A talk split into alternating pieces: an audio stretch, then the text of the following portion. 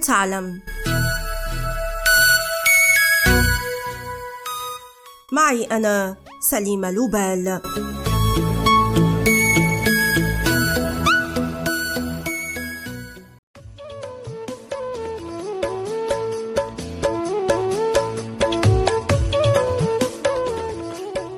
علم مثلث الشكل.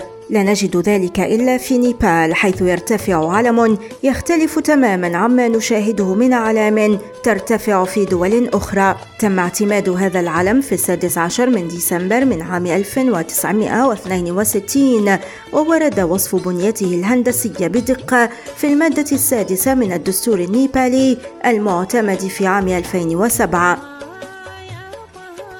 يتكون هذا العلم من مثلثين متداخلين أحدهما بزاوية قائمة وأما السفلي وهو الأكبر مساحة فلا تظهر زاويته العلوية.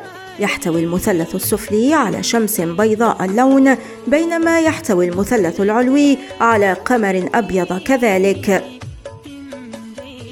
ويمثل القمر برودة الهيمالايا وصفاء الناس أيضا وما الشمس فترمز إلى درجات الحرارة الحارة والطقس الجاف في الوديان النيبالية. ويمثل النجمان مجتمعين أمل الأمة النيبالية في تجاوز الأزمات التي ترمز لها السماء المظلمة وفق موقع وزارة السياحة والثقافة النيبالية. وهما أيضا موجودان بشكل رمزي في كل التعويذات النيبالية. وأما اللون الأحمر الذي يسيطر على جزء كبير من العلم فيمثل شجرة الورد أو الردندره التي تعتبر الوردة الوطنية في نيبال تمثل هذه الزهرة علامة انتصار وشجاعة كما ترمز الحدود الزرقاء للعلم النيبالي إلى السلام والوئام بين أفراد الشعب الواحد. وأما المثلثان المتداخلان فيمثلان جبال الهيمالايا والهندوسية والبوذية وهما الديانتان السائدتان في نيبال.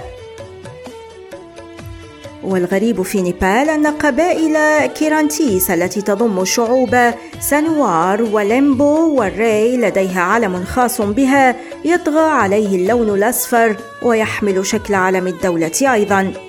لكن ما تفسير هذا الشكل الغريب للعلم النيبالي؟ يقترح المؤرخون عدة فرضيات لتفسير سر هذا الشكل ويقول البعض منهم إن الشكل التقليدي للعلم أي العلم المستطيل ظهر لأول مرة في أوروبا وبالتحديد في البحر الأبيض المتوسط على ساريات السفن. وكان عمليا أكثر. لذلك انتشر في العالم كله وتبنته مختلف دول العالم ما عدا نيبال التي شذت عن القاعدة وتأثرت بجبالها وبديانتيها الهندوسية والبوذية. لكن ليس شكل العالم ما يستدعي الغرابة فقط في نيبال. ففي هذه الدولة تجبر النساء أثناء فترة الطمث بسبب عادة تشوبادي على مغادرة المنزل بحجة أنهن غير نظيفات وفق ما ورد في الكتب الهندوسية القديمة. كما تتميز نيبال أيضا بمراسم طرد الشياطين التي تنظم في القرى بين الفترة والأخرى. اللهم احفظنا من شياطين الإنس والجان.